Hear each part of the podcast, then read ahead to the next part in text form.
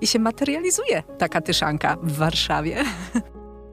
Te wspaniałe obrazy Van Gogha, na przykład Gwieździsta Noc albo Słoneczniki, stały nawet w łazience za wanną.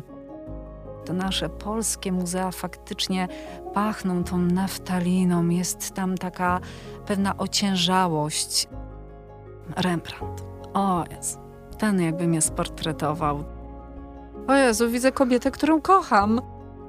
Gdy widzę moje odbicie w lustrze, w szybie, mówię cześć mała, fajna jesteś babka. To czym w takim razie jest dla ciebie kobiecość? Hmm. Hmm. Na pewno siłą, ale taką siłą, która potrafi jednym palcem przenieść górę, a drugim namalować tęczę. Ojejku, jadłam pierwszy raz w życiu ramen. Jejku, jaki on był dobry. Ale ja, proszę pana, może mam piękne, długie blond włosy, ale ja mam jeszcze pod tymi włosami mózg. Mały flirt jest zawsze w dobrym tonie i to nawet mówiła Zośka Stryjeńska. Zamknij oczy i wyobraź sobie świat bez sztuki. Nie ma nic. Z moczu krów karmionych mango.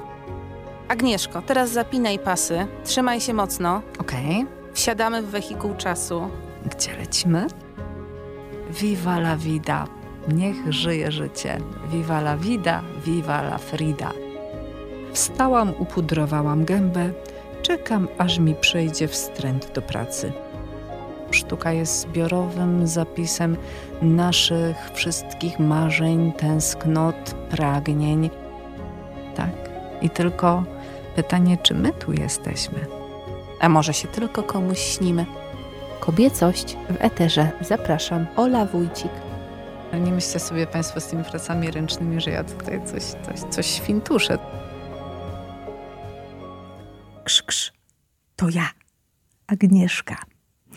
Wpadam tu dosłownie na chwilę, bo chcę ci powiedzieć, że to, co przed momentem leciało w twoich głośnikach, tudzież słuchawkach, to był zwiastun.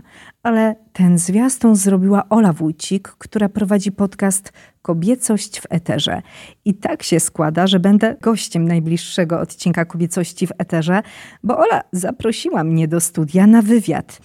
Wpadnie on na kanał Oli już w tę środę, 15 grudnia i serdecznie Cię zapraszam, bo będzie okazja, by poznać mnie od bardziej prywatnej strony. Ale nie tylko. Oczywiście opowiem sporo o malarstwie, będzie o Van Goghu, będzie o Caravaggiu, o Witkacym, o dziewczynie z perłą. Zatem no, będzie, będzie, będzie sporo. I jeśli mogłabym Ci coś podpowiedzieć, to włącz sobie ten podcast wieczorkiem, bo myśmy go nagrywały dość późno w nocy w opustoszałym, wymarłym studio nagrań. Zatem ta rozmowa będzie miała też taki specyficzny klimacik, bo to jest inaczej, kiedy wszyscy krążą po korytarzach, krzątają się wokoło, no a inaczej jest nocą, gdy jest tylko Ola, tylko ja i jesteś ty. Zatem serdecznie Cię zapraszam na kobiecość w eterze. I jeśli odsłuchasz, to daj mi proszę znać, jak wypadłam, bo nie ukrywam, że mam tremę.